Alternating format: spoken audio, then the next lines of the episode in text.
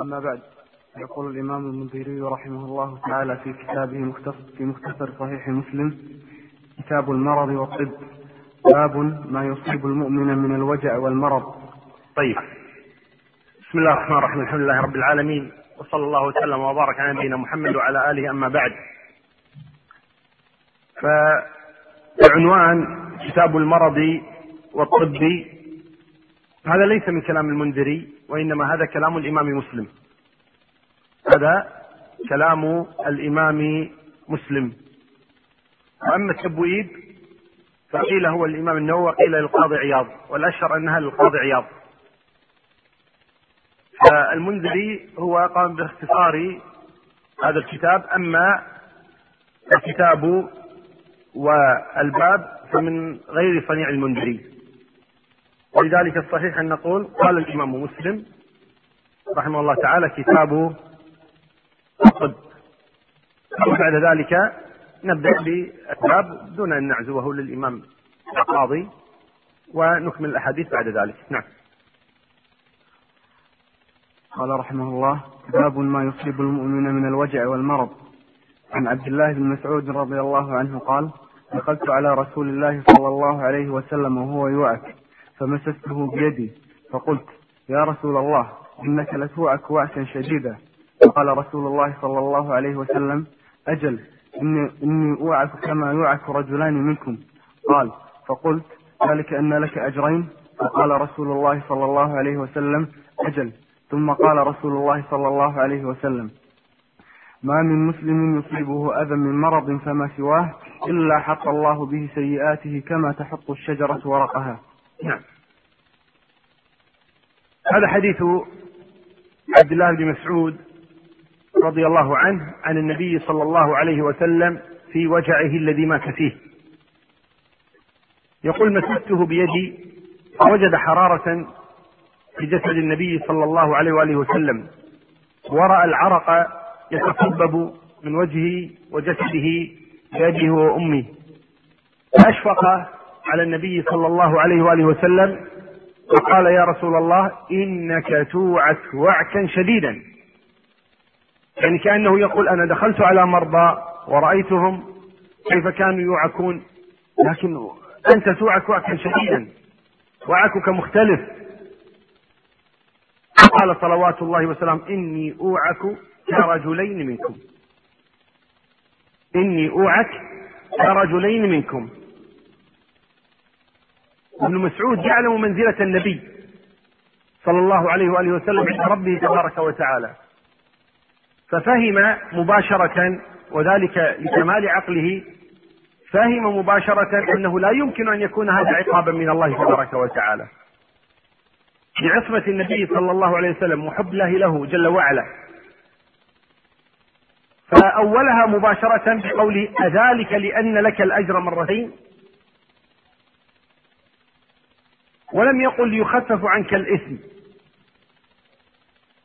وذلك أن الله قد أخبر أنه قد غفر له, له ما تقدم من ذنبه وما تأخر. ولذلك ما يصيب النبي صلى الله عليه وسلم ليس من باب تكفير السيئات وإنما من باب رفع الدرجات. وقال أذلك لأن لك الأجر مرتين؟ قال أجل. هذه هي العلة. أما نحن إذا أصابتنا الأمراض والألواء والمصائب وغيرها وصبرنا ورضينا بقضاء الله وقدره فإن الله تبارك وتعالى يصنع معنا أحد أمرين اثنين. إما أن يكفر بذلك من سيئاتنا وإما أن يرفع بذلك من حسناتنا ودرجاتنا. ولذلك النبي صلى الله عليه وسلم قال عجبا لأمر المؤمن إن أمره كله له خير. إن أصابته سراء فشكر كان خيرا له. وإن أصابته ضراء فصبر كان خيرا له. وليس هذا لأحد إلا للمؤمن. لأنه يحتسب مرضه ويحتسب مصيبته عند الله تبارك وتعالى. فيؤجر إذا مرض ويؤجر إذا شفي. وقد كان النبي صلى الله عليه وآله وسلم كما في هذا الحديث يوعك وعكا شديدا. وهذا مصداق قوله صلوات الله وسلامه عليه أشد الناس بلاء الأنبياء. ثم الأمثل فالأمثل. يبتلى المرء على قدر دينه. فإن كان في دينه صلابة شدد عليه في البلاء ليس عقوبة ولكن رفعة للأجر. فإن كان في دينه صلابة شدد عليه في البلاء. وإن كان في دينه ضعف خفف عنه البلاء. ولذا جاء في الحديث الآخر إذا أحب الله عبدا أصاب منه. ابتلاه فلا يحزن أحد إذا ابتلي. بل كان السلف على عكس ذلك. إذا لم يبتلى يخشى أن يكون هذا استدراجا من الله تبارك وتعالى. فإذا أصابت المسلم المصيبة فعليه أن يتبع ما يأتي أو أن يختار ما يأتي. وذلك أن أهل العلم قالوا إن الإنسان إذا أصابته المصيبة فهو على أربعة أحوال. إذا أصابت الإنسان المصيبة فإنه يكون على أربعة أحوال يعني على حال من أربعة أحوال. الحال الأولى أن يسخط ولا يصبر. يعني لا هو راض بقضاء الله تبارك وتعالى ولا هو صابر على ما أصابه من المصيبة. قالوا فهذا في شر المنازل. الثاني من يصبر ولا يرضى. فيه جلد فيه تصبر على المصائب لا لا يرضى أن يشمت به الناس فلا يظهر أنه متأثر ولا يظهر أنه مصاب لكنه غير راضي عن الله تبارك وتعالى بما أصابه من المصيبة. والنوع الثالث من الناس وهذا سيء قريب من حال صاحبه إن لم يكن مثله. الثالث الذي يصبر ويرضى. صابر. لا يسب ولا يلعن ولا يتأفف. وكذلك راض. إذا قيل له ماذا أصاب؟ قال قضاء الله وقدره. فهو راض صابر. وهذا محمود عند الله تبارك وتعالى. والرابع الذي يصبر ويرضى ويحمد الله تبارك وتعالى. يحمد الله. وإن أصابته مصيبة حمد الله تبارك وتعالى. وقد كان النبي صلى الله عليه وسلم كذلك. وذلك أنه إذا أصابته السراء صلوات الله وسلامه كان يقول الحمد لله الذي بنعمته تتم الصالحات. وإذا أصابته الضراء قال الحمد لله على كل حال. وليس الحمد لله الذي لا يحمد على مكروه سواه. هذا لم يثبت عن النبي صلى الله عليه وآله وسلم. وإنما كان يقول الحمد لله على كل حال. يصبر ويرضى ويحمد الله تبارك وتعالى. وهذا في أعلى المنازل. وقد قيل لشريح ماذا أنت فاعل مع المصائب؟ قال إذا أصابتني المصيبة حمدت الله أربع مرات. إذا أصابتني المصيبة حمدت الله أربع مرات. حمدت الله تبارك وتعالى إن لم تكن في ديني. وإذا كان من دعاء النبي صلى الله عليه وآله وسلم ولا تجعل مصيبتنا في ديننا. يقول حمدت الله أن المصيبة ليست في الدين في الدنيا في البدن. المهم لا تكون مصيبة في الدين. فما لمصيبة الدين؟ جبران أبدا. وحمدت الله أعانني على الصبر لأن ليس كل واحد يصبر. ليس كل إنسان يصبر لأن الإنسان ما يدري عن نفسه. قد يقول الآن أنا أصبر وأصبر لكن إذا جاءته المصيبة وكانت قوية قد إيش؟ قد لا يصبر. ولذلك أنت ترى أحيانا بعض الناس الذي يصبر الناس إذا أصابته مصاب قد يصاب هو فلا فلا يصبر. لماذا؟ لأن الكلام سهل. لكن تطبيق هذا الكلام وتنزيله على الواقع أمر آخر. وإذا قال النبي صلى الله عليه وسلم لا تتمنوا لقاء العدو. وإذا لقيتموهم فاصبروا. لا تتمنى لقاء لأنك لا تدري تصبر أو لا تصبر. الأمر الثالث أو السود الذي لأجله يحمد الله تبارك وتعالى قال أحمد الله تبارك أن أعانني على قول إنا لله وإنا إليه راجعون. وذلك أن الله مدح المؤمنين بقوله الذين إذا أصابتهم مصيبة قالوا إنا لله وإنا إليه راجعون. فأحمد الله أن وفقني إلى هذه الكلمة. لأنها ليست مجرد كلمة. كلمة يترتب عليها إيش؟ أجر عظيم. من عند الله تبارك وتعالى. الأمر الرابع الذي لأجله يحمد الله قال أحمد الله أن لم تكن أكثر من ذلك. الحمد لله النجاة على هذا. لم تكن إيش؟ أشد. سرق بيته. قال الحمد لله أن الأولاد لم يكونوا في البيت كانت المصيبة تكون إيش؟ أعظم. خسر في تجارتي. الحمد لله أن لم تخسر تجارتي كلها. خسارة بسيطة انكسرت رجله. الحمد لله أنها لم تنكسر الأخرى. وهكذا. فإذا أصابته المصيبة حمد الله أنها جاءت على هذا القدر ولم تأتي أكبر منها. تقريبا وما من مصيبة إلا وفي مصيبة أخرى قد تكون أكبر منها. وعلى المسلم أن يتحمل ويرضى ويصبر ويتذكر قول النبي صلى الله عليه وسلم إذا أصيب أحدكم بمصيبة فليتذكر مصيبته في فإنها أعظم المصائب. أعظم مصيبة هي وفاة النبي صلى الله عليه وآله وسلم. ثم قال صلوات الله وسلامه مؤكدا أو حاثا المؤمنين على الصبر والرضا قال ما من مسلم يصيبه أذى من مرض فما سواه إلا حط الله به من سيئاته أو حط الله به سيئاته كما تحط الشجرة ورقها. كما تحط الشجرة ورقها. شوف السيئات في تتساقط أنت لا تراها لأنها أشياء معنوية. أنت لا تراها. ولكن الله يحطها عنك سبحانه وتعالى. ولذلك جاء في الحديث الآخر ما يصيب المؤمن من وصب ولا نصب. ولا هم ولا حزن حتى الشوكة. يشاكها إلا كفر به من سيئاته. تصور هذه الأشياء. من منا لم يصب بوصب؟ والوصب هو إيش؟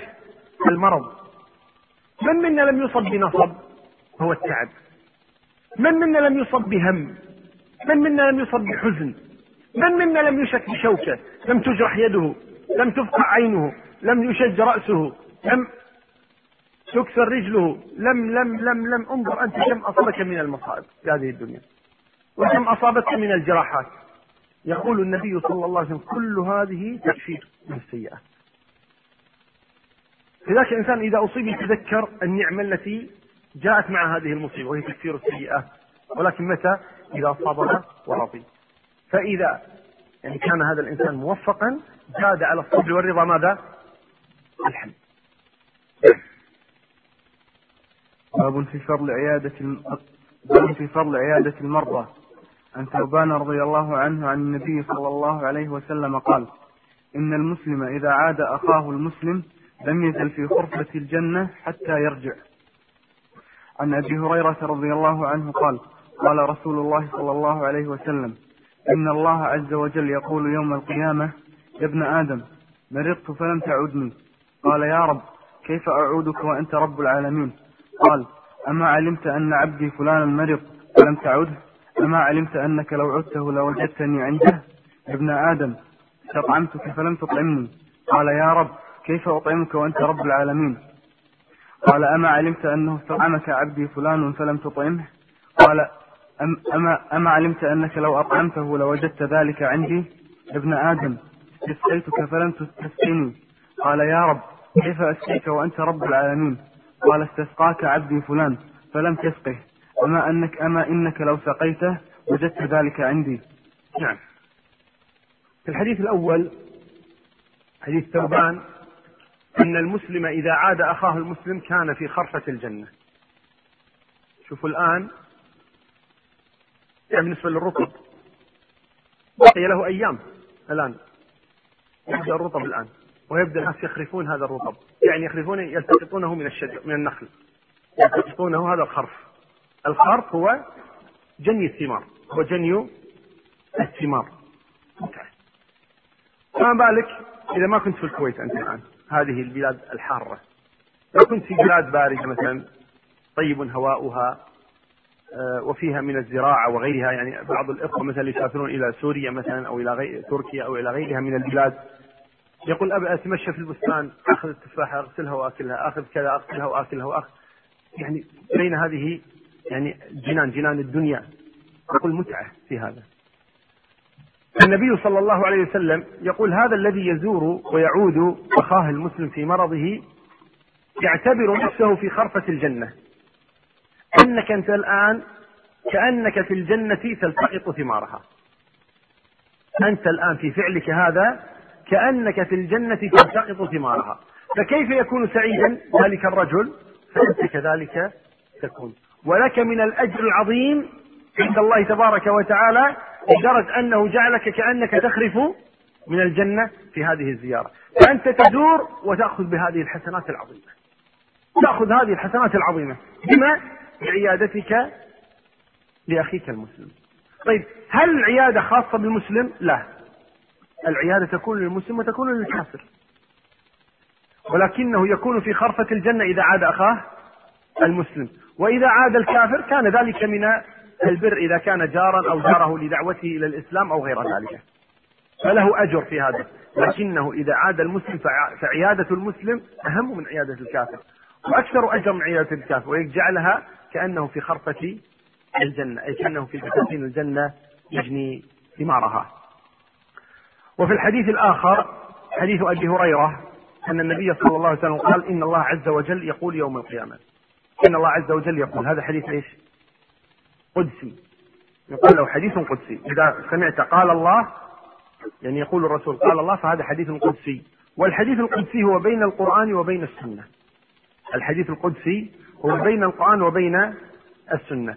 فهو يشبه القرآن من حيث إنه كلام الله سبحانه وتعالى.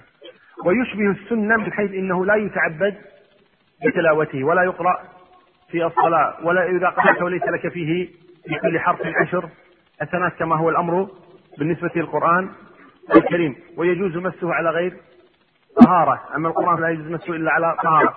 المهم أنه شيء بين الكتاب وبين السنة. فهو كلام الله جل وعلا ولكنه ليس بقرآن. هو كلام الله ولكنه ليس بقرآن. يقول الله تبارك وتعالى يوم القيامة لعبده يا ابن آدم مرضت فلم تعدني. كلنا يعلم أن الله لا يمرض ولا يجوع ولا يعطش جل وعلا. ولكن الله تبارك وتعالى أراد أن يبين قدر المؤمن عنده. أراد أن يبين قدرك عنده. أراد أن يبين كم يحبك سبحانه وتعالى. فجعل نفسك نفسه. جل وعلا. فيقول لي المؤمن الآخر مرضت فلم تعدني. قال كيف أعودك وأنت رب العالمين؟ أنت ما تمرض يا رب العالمين. أنت ما تمرض يا رب العالمين. قال مرض عبدي فلان. أما علمت أنك لو عدته لوجدتني عنده. يعني جعل الله سبحانه وتعالى مرض المؤمن نسبه إلى نفسه. سبحانه وهذا تكرمه لعبده المؤمن. ثم قال استطعمتك فلم تطعمني. قال كيف أطعمك أنت قال استطعمك عبدي فلان.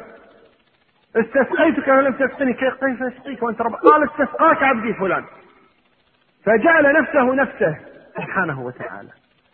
وما هذا إلا لإكرام المؤمن ولبيان محبة الله سبحانه وتعالى له. وعتبه سبحانه وتعالى على أخيه المؤمن الذي لم يقدم له يد العون سواء كان في إطعامه أو في سقايته أو لم يقدم له يد الزيارة في حال مرضه. فإذا كان كذلك فلا تكونن أنت هذا العبد. لا تكونن أنت هذا الذي يعاتبه الله. سبحانه وتعالى فيقول له لماذا لم تعد فلانا؟ لماذا لم تطعم فلانا؟ لماذا لم تسقي فلانا؟ لا تكن إياك إياك أن تكون هذا العبد. فإذا أردت أن لا تكون كذلك انظر لحال إخوانك قد يقول قال والله ما علمت أنه مريض طيب فقدته. لم تره منذ مدة. اسأل عنه. كثير من الناس الآن لا يدري عن جاره المؤمن ولا يدري عن أخيه المؤمن بل لا يدري عن أخيه الشقيق. أحيانا. تمر الأيام والليالي ثم يفاجأ أنه مريض وأحيانا يأتيه الخبر من صديق أخيه. من البعيد. والمفروض أن تؤخذ الأخبار. منه هو. وكل هذا لتقصيرنا في حقوق إخواننا أو جيراننا أو المؤمنين بشكل عام. فعلى كل إياك أن تكون ذلك العبد الذي يعاتبه ربه تبارك وتعالى يوم القيامة. نعم. باب لا تقل خبثت نفسي. عن عائشة رضي الله عنها قالت قال رسول الله صلى الله عليه وسلم لا يقول لا يقولن أحدكم خبثت نفسي ولكن ليقل لقست نفسي. نعم. هذا الدين دين الأدب. هذا الدين دين الأدب. وإذا قال أو قالت عائشة عن النبي صلى الله عليه وسلم كان خلقه القرآن. ومدح الله نبيه فقال وإنك لعلى خلق عظيم. وما زال الله تبارك وتعالى يؤدب نبيه ويؤدب المؤمنين سبحانه وتعالى ليصلوا إلى أرقى الدرجات.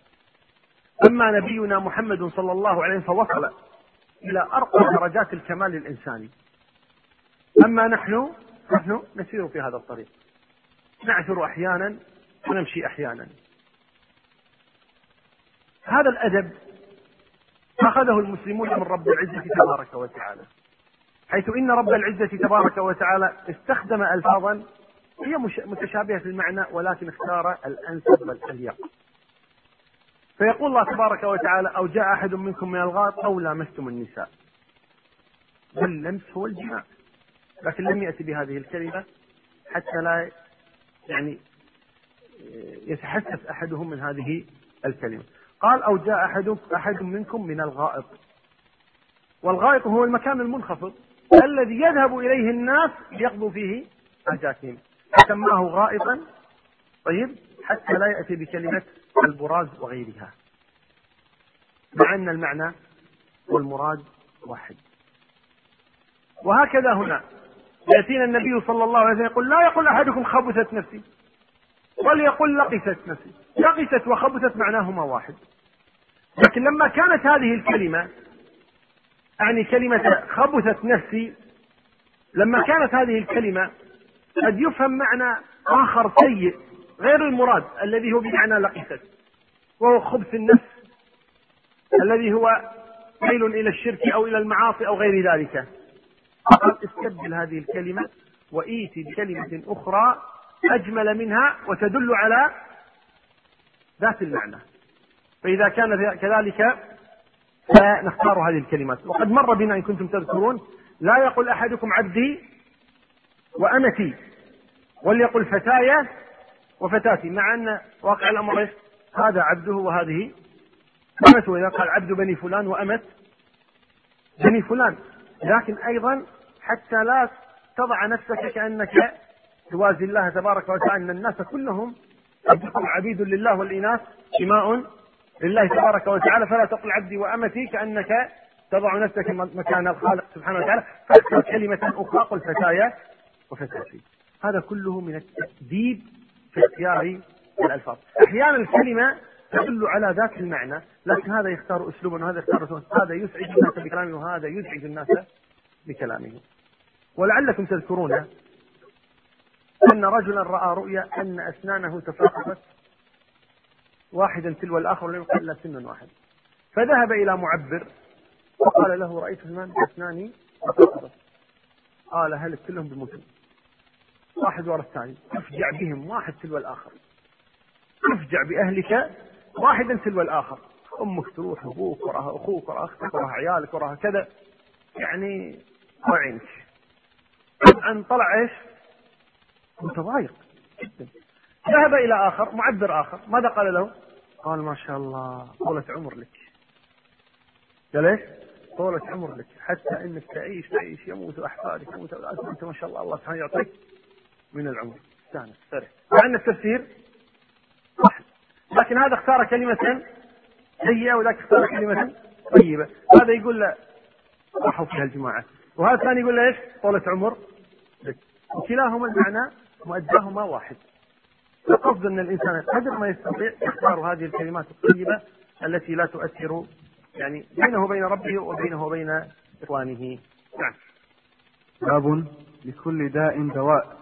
عن جابر رضي الله عنه عن رسول الله صلى الله عليه وسلم أنه قال لكل داء دواء. فإذا أصيب دواء الداء برئ بإذن الله عز وجل. نعم. لكل داء دواء. وفي رواية إلا الموت. وفي رواية إلا الهرم. ما له دواء خلاص. ما ما يعود. والموت كذلك خلاص ليس له دواء والمقصود بالموت ما قال أهل العلم مرض الموت. مرض الموت وليس الموت نفسه. لأن المقصود مرض مرض الموت لو وقع ليس له دواء لأنه خلاص جاءت ساعته. جاء وقت موته. فالشاهد من هذا قول النبي صلى الله عليه وسلم لكل داء دواء. لكل داء دواء. فإذا أصيب دواء الداء يعني عرف الإنسان دواء الداء طيب برئ ولكن إيش؟ بإذن الله. لأنه قد يتداوى اثنان من نفس المرض بنفس دواء فيمرض فيشفى هذا ويموت هذا. ليس بالضرورة. حتى يكون الأمر بإذن الله. لأن الدواء لا يشافي بنفسه وإنما الشافي هو الله والدواء إيش؟ مجرد سبب. الدواء مجرد سبب. وهذا السبب حتى هذا السبب إذا عرف قد لا يشفى الإنسان منه إذا كان الله يريد أن تكون هذه إيش؟ ساعة موته. فليس بالضرورة إذا أن الدواء يشافي الناس. ولذلك اختلف أهل العلم في هذه المسألة. هل التداوي هل التداوي مستحب أو مكروه أو واجب أو مباح أو محرم. هل التداوي. واجب أو مستحب أو مباح أو مكروه أو محرم. الذي يقول الدواء يعني تناوله واستعماله. الذي يقول الدواء واجب يرفع يده. التداوي واجب يرفع يده. طيب يا إبراهيم. إبراهيم عد اللي رافعين يديهم خليكم خلي أشوفكم بس. عد سريع عد سريع. اللي وراك ما شفتهم ترى. زي ثلاثة؟ عشرون. طيب أنزل أيديك. الذي يقول مستحب يرفع يده. اكتب اكتب. من يكتب معنا يلا الواجب عشرون. واجب عشرون. مستحب؟ كم واحد؟ عشرة خلاص انزلوا أيديكم. الذي يقول إن التداوي مباح يرفع يده.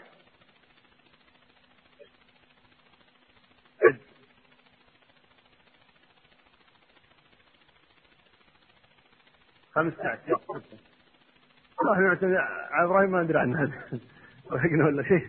طيب الذي يقول التداوي مكروه يرفع يده. في واحد هناك. يعني أساس ما حسبه فاضيه ما يصير واحد. طيب. الذي يقول التداوي حرام يرفع يده. ولا واحد. طيب اذا هذه الأحكام الشرعية خمسه لنرى ما حكم التداوي. جاءوا ناس إلى النبي صلى الله عليه وآله وسلم فقالوا يا رسول أرأيت رقى نسترقيها وأدوية نتعارها فيرد ذلك قدر الله؟ قال هي من قدر الله. قال هي من قدر الله.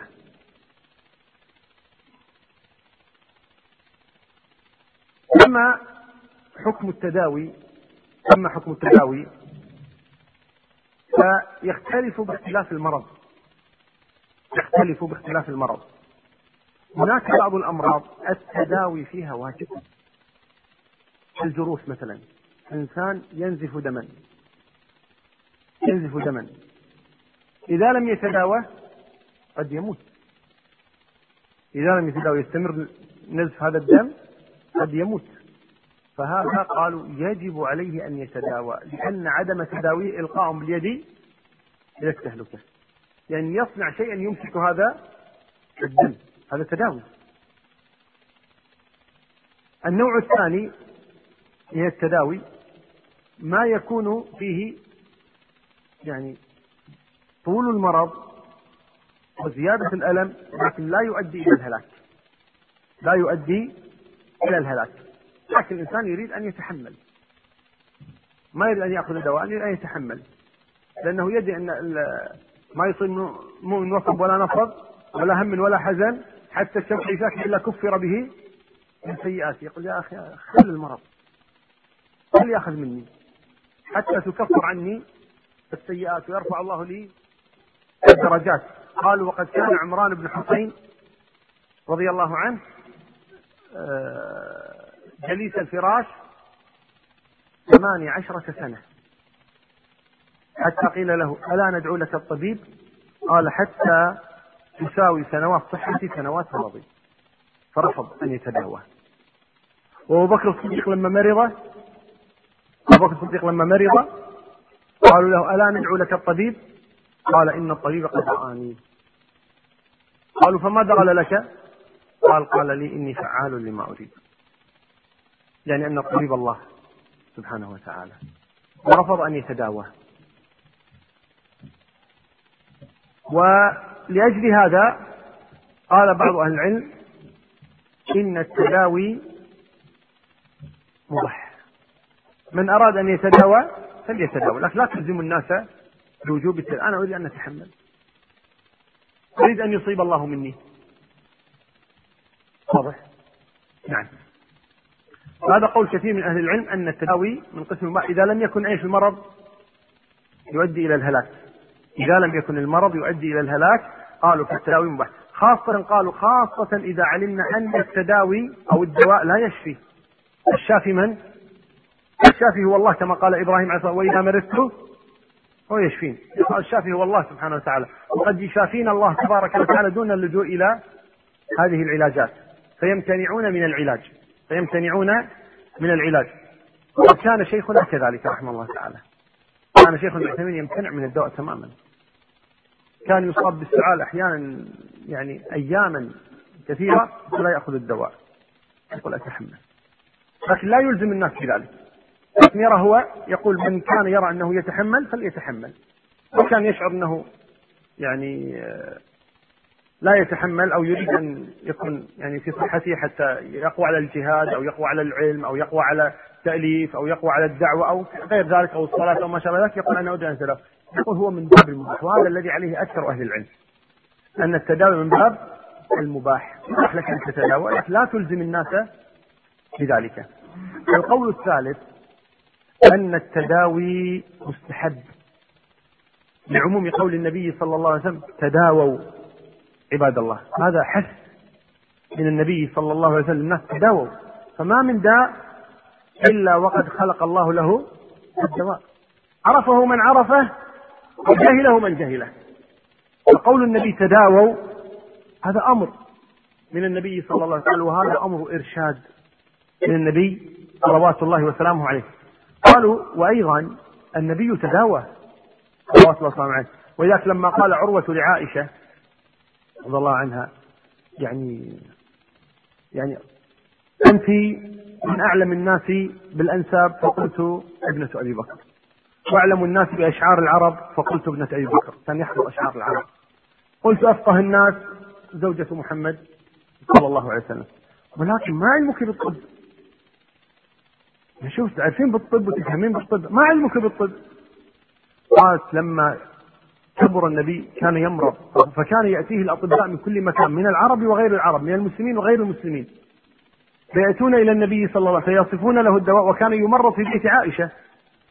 كانت هي التي تمارس علاجة أو إعطاء الدواء للنبي صلى الله عليه وسلم قال فكنت أحفظ ذلك. فهذه معرفتي بالطب. شاهد الحديث أن النبي كان يتعالج. صلوات الله وسلامه عليه. قال والنبي لا يفعل إلا المستحب. قالوا فتداوي النبي صلى الله عليه وسلم يدل على أن الأمر مستحب. إذا أضفنا هذا إلى قوله تداووا عباد الله فإن هذا آه، يؤكد لنا أن التداوي مستحب. والذين قالوا واجب تقريبا استدلوا بهذه الأدلة تماما خاصة قول النبي صلى الله عليه وسلم تداووا عباد الله. والأقرب والعلم عند الله تبارك وتعالى أن التداوي مباح. أن التداوي مباح. والنبي إنما فعل ذلك ليدل الناس على جواز هذا الأمر. أن الأمر جائز. أن التداوي جائز. ويتداوى صلوات الله وسلامه عليه. وأما قوله تداووا عباد الله فهذا إرشاد من النبي صلى الله عليه وسلم وليس أمرا. وإنما هو من باب الإرشاد. وليس باب الأمر ولا من باب الاستحباب. وإنما إرشاد من النبي صلوات الله وسلامه على كل حال. يعني المسألة فيها مجال للأخذ. يقول أهل العلم يقول الداء والدواء خلقه. خلق من؟ خلق الله تبارك وتعالى. والشفاء والهلاك فعله سبحانه وتعالى. فهذا يشفى بأمر الله وهذا يهلك بأمر الله سبحانه وتعالى. قالوا وربط الأسباب بمسبباتها حكمته وحكمه سبحانه وتعالى. فالإنسان إذا يتداوى ويسعى في طلب العلاج ولكن لو امتنع لا شيء عليه. ما لم يصل به إلى إيش؟ إلى الهلاك. ولا تلقوا بأيديكم إلى التهلكة. يعني باب الحمى من فيح جه... الحمى من فيح جهنم فابردوها بالماء. عن أسماء رضي الله عنها أنها كانت تؤتى بالمرأة الموعوكة فتدعو بالماء فتصب فتصبه فتصبه في جيبها وتقول إن رسول الله صلى الله عليه وسلم قال أبردوها بالماء. أبردوها. همزة وصل. أبردوها بالماء وقال إنها من فيح جهنم. باب الحمى تذهب الخطايا. عن جابر بن عبد الله رضي الله عنهما أن رسول الله صلى الله عليه وسلم دخل على أم السائب أو أم المسيب. وقال ما لك يا أم السائب؟ أو يا أم المسيب تزفزفين. قالت الحمى لا بارك الله فيها. فقال لا تسب الحمى فإنها تذهب خطايا بني آدم كما يذهب الكير خبث الحديد. نعم. الحمى هو مرض يصيب الإنسان ويسبب له حرارة شديدة في جسمه وتصبب العرق. النبي صلى الله عليه وسلم شبه حرارتها الشديدة بحرارة جهنم. قال هي من فيح جهنم. والفيح هو درجة الغليان. يقول فاح الماء يعني شنو فاح؟ غلا. غلا الماء. فار وغلا وفاح كلها بمعنى واحد. فيح جهنم أي من شدة حرارة جهنم. فهي من فيح جهنم أي من حرارة جهنم. فالنبي يقول إذا أصابتكم الحمى تذكروا جهنم. هذا حر. قليل يصيب البدن من الداخل. شوفوا كيف تتأذون وتتألمون من هذا. كيف تتحملون جهنم؟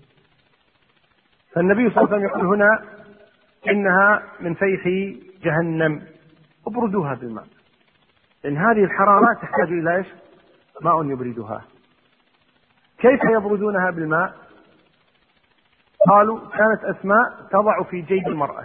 الجيب هذا الجيب مكان الصدر.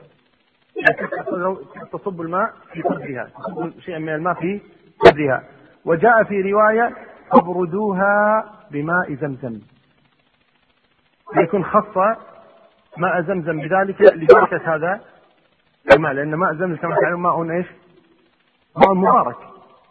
لذلك أمر النبي صلى الله عليه وسلم أن تبرد الحمى بماء زمزم. يقول أسماء كانت تؤتى أو أن أسماء كانت تؤتى بالمرأة الموعوكة يعني المريضة مرض الحمى. فتدعو بالماء فتصبه في جيبها وتقول إن رسول الله قال ابردوها بالماء. فهذا فهم أسماء يقول النبي صلى الله عليه وسلم ابردوها بالماء. فهمت أن هذا الماء ليس الماء أنها تغتسل بالماء وإنما نقول أن يصب عليها شيء من الماء. وجاء في بعض الروايات فابردوها بماء زمزم فخص ماء زمزم دون سائر المياه. ولكن الحديث هنا عام مطلق يدخل فيه ماء زمزم وغيره ولكنه لا شك أن ماء زمزم أبرك من غيره لأنه ماء مبارك وإن كان الماء بشكل عام مباركا كما قال الله تبارك ونزلنا من السماء ماء مباركا ولكن ماء زمزم له خصوصية البركة هو بركة في حد ذاته. فالشاهد أن الحمى تبرد بالماء كما قال النبي صلى الله عليه وآله وسلم وفي الحديث الثاني حديث أم السائب أن النبي قال لها ما لك تزفزفين يعني تحركين حركة شديدة شوف المريض يعني إيش؟ ما يبقى على حال يمين يسار وتأثر وهذا فيه إيش؟ زيارة الرجل للمرأة ولا لا؟ النبي أجنبي بالنسبة له ومع هذا إيش؟ زارها في مرضها زارها في مرضها فلا معنى الإنسان يزور مثلا ابنة عمه أو ابنة خاله حتى لو لم تكن من محارمه. إذا كانت مريضة في سترها متسترة وكذا يزورها يدعو لها ويرقيها لا مانع من ذلك أبدا. بعض الناس يتحرج من هذا الأمر. أنه في النساء إذا مرضنا مثلا ما يزور إلا محارمه فقط. هذا غير صحيح. عمك بنت خالك زوجة عمك زوجة خالك ما إذا كانت متسترة وما مانع أبدا أنك تزورها وتدعو لها بالشفاء وتقرأ عليها طبعا دون وضع يدك تقرأ عليها وتدعو لها بالشفاء لا مانع من هذا أبدا. وتذكرها بالصبر وغير ذلك من الأمور. لكن القصد أن النبي هنا زارها صلوات الله مع أنها ليست من محارمه صلى الله عليه وسلم وزارها صلى الله عليه وآله وسلم. قالت الحمى لا بارك الله فيها. لا تسب الحمى. الحمى هذه اللي جابت لك الأجر. الحمى هذه هي التي أتتك إيش؟ بالأجر. والحمى يعني هي ليس لها فعل في ذاتها. الحمى إنما جاءت بأمر الله ولا لا؟ الحمى بأمر الله سبحانه وتعالى. وبذا قال النبي صلى الله عليه وسلم قال الله تبارك وتعالى لا تسبوا الدهر. كان الدهر أقلب ليله ونهاره. وفي رواية فأنا الدهر بيدي أقلب ليله ونهاره. فساب الدهر ساب لمصرف الدهر. وساب الحمى ساب لمصرف الحمى. فلا يجوز سب الريح. قال لا تسب الريح لا تسب الدهر لا تسب الحمى لأن هذه جمادات. هذه تتحرك وت... وتعمل بأمر الله سبحانه وتعالى. سبك إياها هو سب لمحركها. ولذلك قيل إن المأمون لما أشاع فتنة القول بخلق القرآن سمع بهذا رجل من أهل العلم يقال له عبد العزيز الكناني. عبد العزيز الكناني. وهو من أهل مكة. سمع أن المأمون يفتن الناس والعلماء على القول بخلق القرآن. فقرر أن يتحدى هذا المنع. ذهب إلى بغداد وأمر ولده أن يكون في وسط المسجد. وصلى هو في مقدمة المسجد عند الإمام. صلاة الجمعة والناس مجتمعون فلما قضيت الصلاة قام الأب وقام الابن وصار يتحدثان يسمعان الناس.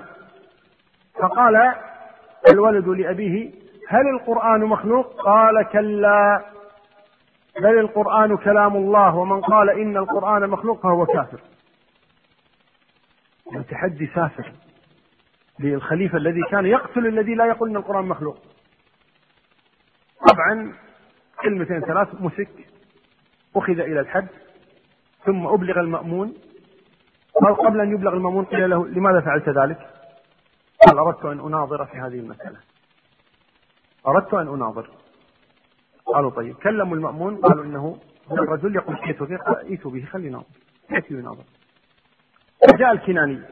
وكان عند المأمون بشر المريسي وأحمد بن أبي دؤاد وغيرهما وغيرهما من أهل البدعة في ذلك الوقت.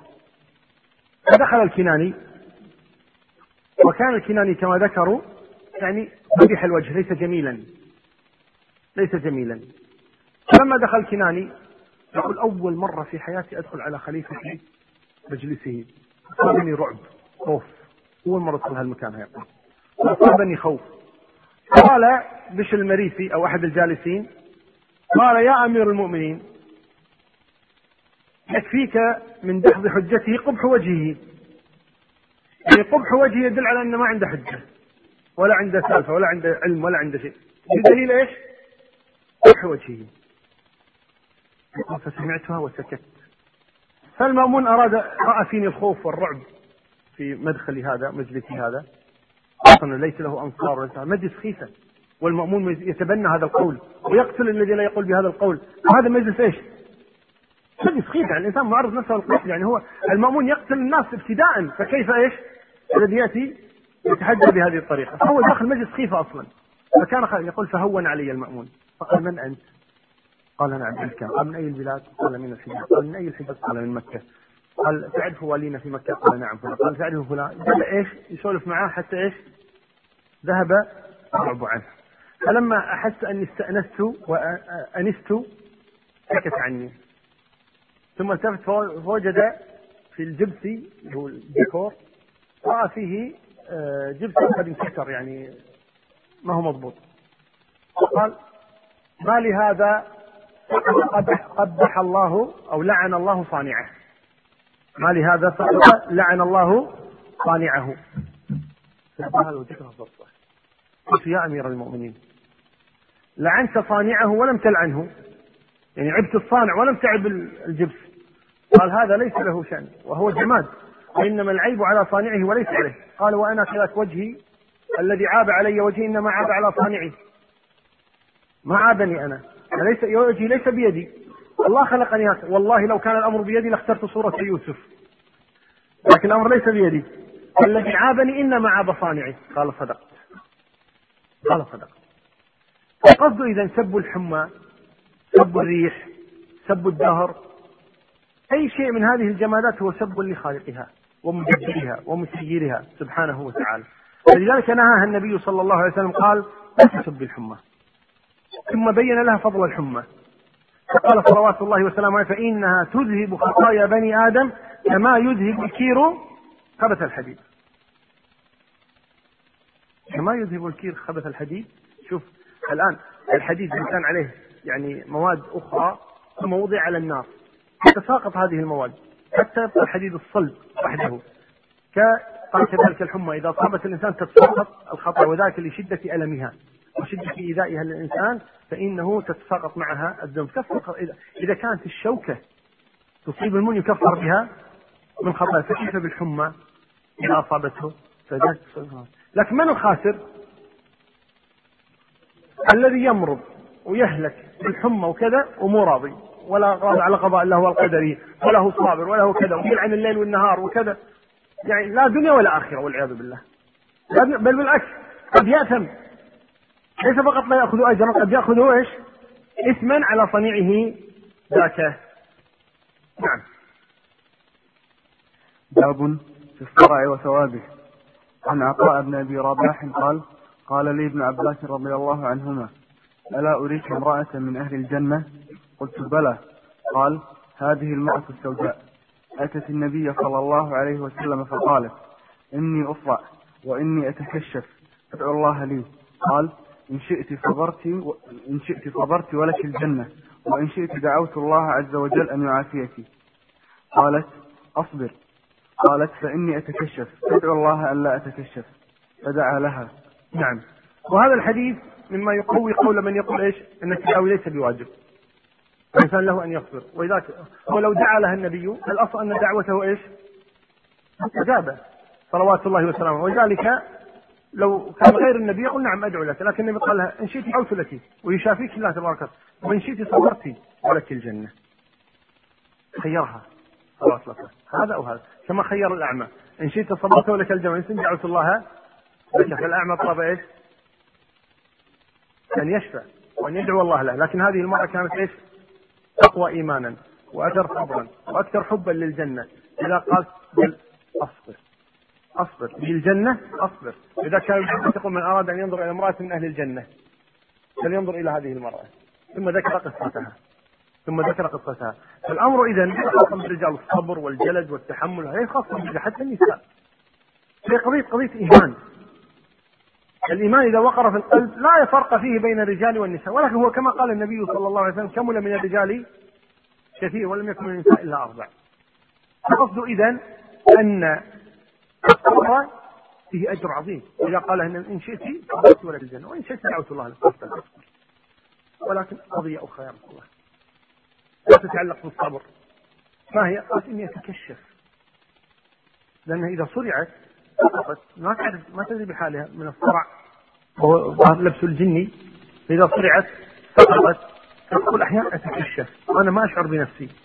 أدعو الله أن لا أتكشف أقل شيء. فقال نعم فدعا لها. صلوات الله وسلامه عليه. نعم. باب التلبينة مجمة لفؤاد المريض. عن عائشة رضي الله عنها زوج النبي صلى الله عليه وسلم أنها كانت إذا مات الميت من أهلها اجتمع لذلك النساء ثم تفرقن إلا أهلها وخاصتها أمرت ببرمة من تلبينة فطبخت ثم ثم صنع ثريد وصبت التلبينة عليها. ثم قالت كلنا منها فإني سمعت رسول الله صلى الله عليه وسلم يقول التلبينة مجمة لفؤاد, مجمة لفؤاد المريض تذهب بعض الحزن. يعني هذا هو نوع من الطعام لين سهل الهضم طيب وبارد على النفس. فالنبي أرشد إليه صلوات الله وسلامه عليه للمريض وقال النبي هذه التلبينة أكلة طيبة سهلة الهضم وسهلة الإعداد وكذلك يعني باردة على الجسم. فالنبي أمر بها من هذا الباب. أمر بها من وليست هي علاج لأمراض عضوية. ليست هي علاج لأمراض عضوية. ولكنها طعام طيب. وهي عبارة عن دقيق مطحون. هذا الدقيق أو نخالة طيب. ثم توضع تصير خفاء شوربة. طيب. وتوضع على السريد هذه التلبينة. إذا كانت تلبينة مع سريد اللي هو الخبز مع اللحم. طيب. فيرى النبي صلى الله عليه وسلم أنها تريح الفؤاد. تريح الفؤاد وتقويه وتنشطه. فأمر بها صلوات الله وسلامه عليه. نعم.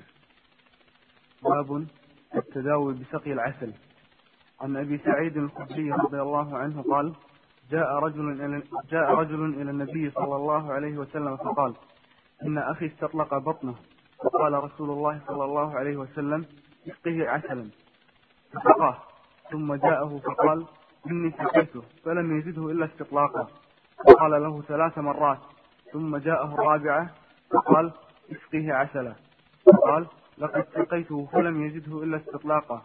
وقال رسول الله صلى الله عليه وسلم صدق الله وكذب بطن أخيك فسقاه فبرأ نعم. العسل شفاء. كما قال الله تبارك وتعالى يخرج من بطونها شراب مختلف ألوانه فيه شفاء للناس.